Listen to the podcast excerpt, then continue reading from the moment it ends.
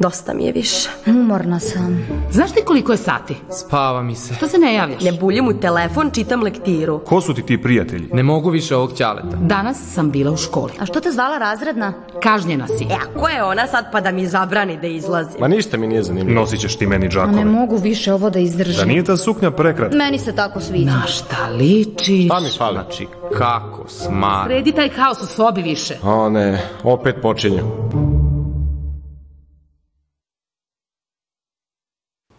Da li znate šta je debata?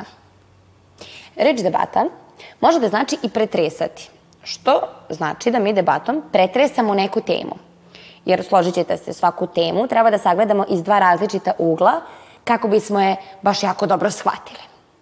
Sad kad znamo otprilike šta je debata, možemo danas i da debatujemo. I to na temu ocena. Imaćemo jedan tim koji kaže da ocena jeste merilo znanja i drugi koji kaže da nije. Đorđe voli da sluša muziku, glumi, fotka, skuplja razne džidžabidže i drndaboce, da svira bubnjeve kad nasmeje ljude. Ne voli javni prevoz, fiziku kao prvi čas u prvoj smeni, pretoplo leto, ljude koji ne razumeju emocije, dvolične ljude, lošu muziku. Marija voli sarkazam. Ne voli smrdibube. Ivana voli da odlazi u pozorište, da čita knjige iz oblasti psihoanalize, piše poeziju, igra folklor, vozi rolere. Ne voli rano ustajanje, osim ako je na moru, negativne ljude, dvojku kao ocenu, bus broj 11 i nervozu pred kontrolni. Ljubica voli svoju mačku Sofiju, ne voli punjene paprike. Ova naša debata će imati i neka pravila, ali malo manje formalno od one prave debate, zato što je cilj da mladi ljudi razmene mišljenja o temama koje njih zanimaju. Jedni kažu da ocena jeste merilo znanja zato što nam nudi motivaciju za nova saznanja, dok drugi kaže da nije jer to znanje brzo, brzo ispari. Pitali smo i vas šta mislite da li je ocena merilo znanja. Od 200 ispitanika najveći deo se nije složio. Neodlučnih je bilo 18%, dok se svega 1,5% potpuno složio sa tim da je ocena merilo znanja. Hajde da vidimo šta kažu naši timovi.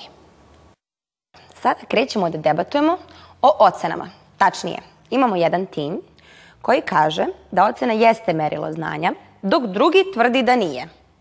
Pa hajde sada da ispitamo šta to oni imaju da kažu za tu svoju teoriju. Ocena nam često pre svega pokazuje stepen nečije posvećenosti i angažovanosti i u većini slučajeva stepen znanja iz te neke određene oblasti. Dakle, nije to ništa uvek fiksno, ali u najvećem broju slučajeva je to prosto tako. To je jedno trenutno znanje, nije to ništa dugoročno i to može da se promeni, ali eto, to je profesoru, već sam rekla, uvidu u tu angažovanost, posvećenost, prosto rad na tom nečem. Ocena jeste merilo znanja u slučaju ako je i profesor, a i učenik pravedan i u slučaju da oboje imaju razumevanje jedno za drugo, e, pošto bez razumevanja ocena može biti samo još jedna stvar koju donosim kući, a ako razume profesor i dete, a i dete profesora, m, jednostavno to može biti samo pokazatelj toga da on može bolje da nauči, neki podstanak da nauči bolje to što jel te nije. Ajde sada da vidimo šta kaže ovaj tim koji kaže da ocena nije merilo znanja, sa čim bi se verujem složili svi naši e, drugi đaci koji nas sada gledaju. Pa, da, mi se slažemo da ocena u stvari nije merilo znanja, zato što ne postoje neki ustaljeni kriterijumi pri ocenjivanju. Postoje kriterijumi, ali kako sad e, svaki profesor reaguje na te kriterijume je druga stvar. U smislu, pogotovo kod nekih disciplina koje su više umetničke i treba oceniti likovni rad, sastav, ko, kakav je to zapisani kriterijum da sada ko ima u stvari u stvari kredibilitet da može da tačno odredi šta je tu dobro, a šta je loše. Taj kriterijum nije u potpunosti određen, oni imaju opšte kako treba da nas ocene i tu nastaje taj problem, nisu svi kriterijuma kod svih profesora jednaki, da neki profesor iz jedne škole ima slabiji kriterijum, neko ima jači kriterijum, a učenici možda imaju istu ocenu, a znaju manje. Tako je, da takođe postoji nešto što se zovu miljenici u školi. Mislim da smo se svi susreli sa tim. Um, po mom iskustvu najviše u osnovnoj, verovatno zato što smo tako mali. Ovaj, uh, pa, prosto desi se milion puta da, ne znam, um, roditelji nečijeg deteta su jako dobri sa uh, profesorom, uči, učiteljicom, učiteljem, kako, kako god. I onda se tu na osnovu toga formiraju ocene i onda to baš ne bude fair prema drugim uh, učenicima, a i s druge strane, nekad prosto profesori steknu pogrešan utisak o vama, ne znam, uzmu vas za zub, ne znam, mislim, bukvalno može biti bilo koja situacija, da li je možda njima loš dan ili nešto drugo. I onda na kraju vi dobijate ocene koje ne zaslužujete, a milnice dobijaju ocene koje su možda poklonjene. Takođe i na kraju godine, mislim da se svima desilo, ovaj, da je ocena negde između. I sad možda i sami znate da kao znate za tri, ali će vam neko zaključiti pet jer ste dobri na času. S druge strane, možete vi znati za pet, znati za ne, mislim, znate da znate, ali jednostavno ne možete da dođete na kontrolni, ne znam, uh, niste naučili jednu lekciju i to vam se tako izmakne i dobijete četiri, a treba vam pet. I onda u tim situacijama se prosto dešava da ocena stvarno ne može da bude merilo znanja. Obično neki spoljašnji faktori. Dobro, da sad ja ne bih ukrala sva pitanja. Mislim da je vreme da vi se malo odvojite, da se ne biste prisluškivali i da napišete pitanja jedni za druge. Znanje. E, ovo si ti napisala, jel da? Kao kontra. Šta je ovo? Možda nešto ovo trenutno znanje. A šta su rekli to? A, bitno sam zapisala. Zašto? Oni se isto priča o neku onoj skali. Mislim, kao, pošto mi ta, generalno tada pričamo o stresu, možda što poveže. Tako nešto to veliku konkurenciju. I da, da, da li je taj kao kraj, da, su se, kao, da ne treba da se... Dobro. Sada smo formirali ta pitanja koja će probati da pobore argument ovog suprotnog tima. Šta to znači?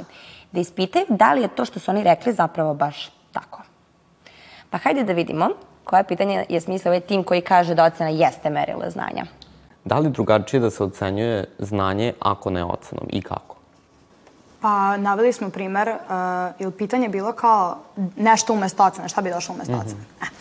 Pa, umesto ocene bih ja predložila, što postoji u mnogim državama, ja mislim na zapadu konkretno, ovaj, e, nek, neke opisne ocene koje sam već pomenula, dakle da profesor, učitelj, kogod meri naše znanje, napiše nešto o tome ili možda blaža forma ocenjivanja koju bi možda mi lakše podneli, da nije samo neki jedan broj, bi možda bili neki bodovi, pa onda skupljamo iz različitih oblasti bodove.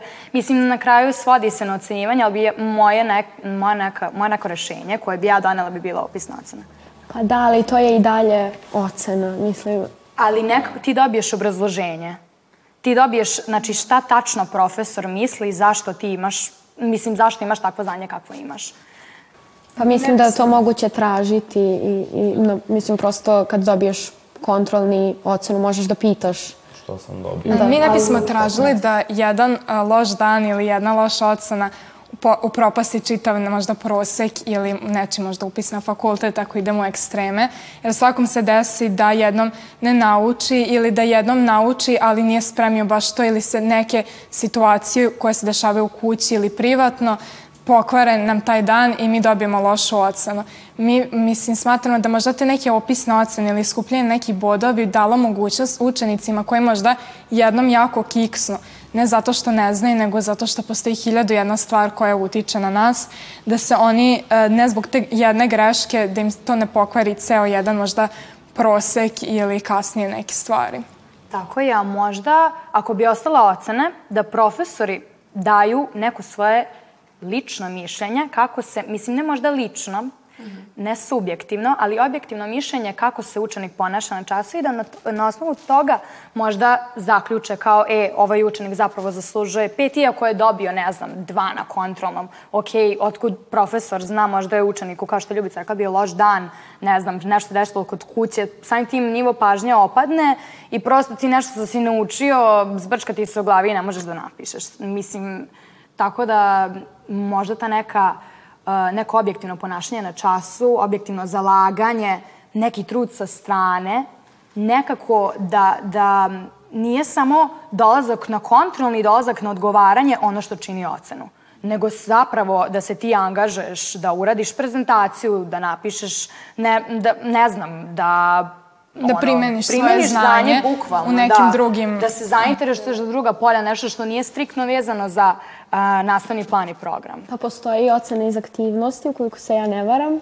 I, na primjer, mogu da dam lično, primjer iz ličnog iskustva gde učešće u van nastavnim aktivnostima kao što su predstave, debate i tako neke stvari zapravo nama donose ocene jer postoje profesori koji žele da nagrade trud van škole, na primjer sportske aktivnosti, postoje učenici koji se bave zaista na vi, višem nivou sportom i oni prosto imaju, imaju tako neku ocenu iz aktivnosti pored ovih Da, to redova. sam zapravo i mislila, dakle, da se na običnu ocenu pridoda to još nešto sa strane, da ne bude samo onako striktno dođem na kontrolni i to je sve od moje ocene.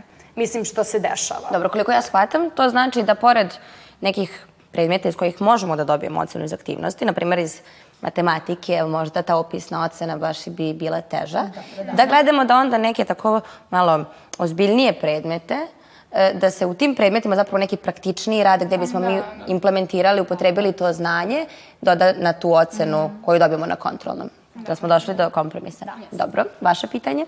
Nas zanima zašto, mislim, spomenuli ste trenutno, da je u stvari ocena pokazatelj trenutnog znanja. Nas zanima zašto se ocenjuje samo trenutno znanje, a ne praktičan rad ili, kas, ili to neko znanje koje nama treba da ostane, što ćemo mi koristiti.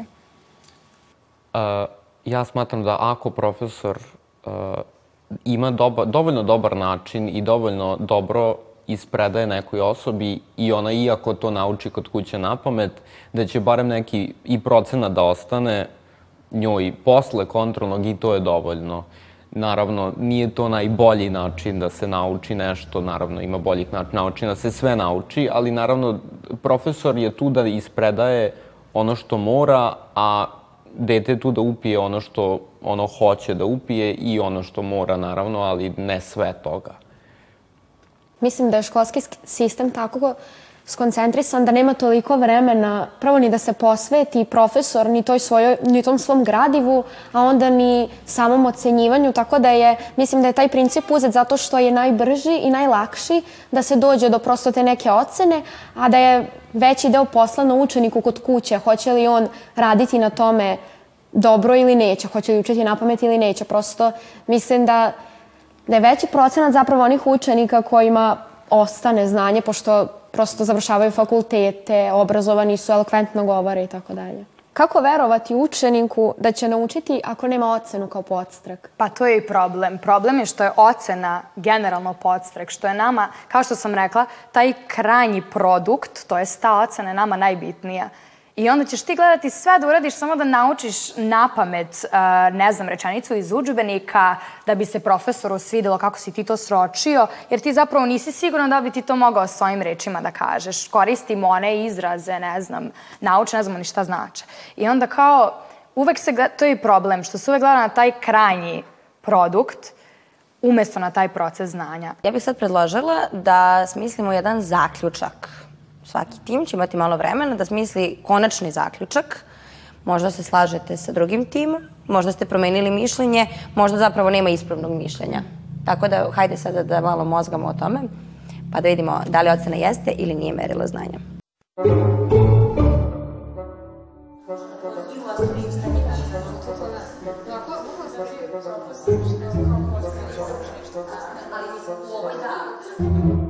Hajde sada da vidimo šta su naši timovi zaključili. Da, ocene mogu biti merilo znanja, ali to ne znači da su uvek merilo istog, mislim. A, mi mislimo da ocena treba da ostane kao takva, da bude jedan podstrek, ali da u tu ocenu treba da se ubraju neke druge stvari što smo već razgovarali, dakle neke van nastavne aktivnosti, sama aktivnost učenika na času i da prosto možda da nam se pruži još neki način da to naše znanje predstavimo i da možda ne bude rezultat njega ocena, već prosto neke mogućnosti, učlanjenju neke grupe ili odlasci na neke fakultete, neke posete, tako nešto. Dobro. Pa, mislim isto, znanje mora na neki način da se vrednuje, ali mislim da fokus ne treba da bude na tom vrednovanju, vrednovanju znanja, nego treba da bude na razumevanju istog. Dakle, bukvalno sve što smo rekli, ovaj, i ono što ste vi rekli, da postoje neke druge stvari koje možemo da radimo, nešto sa strane volontiranja, možda neka šansa za volontiranje, isto što si rekla za fakultet, budućnost, neke druge šanse možda koje nisu ocene.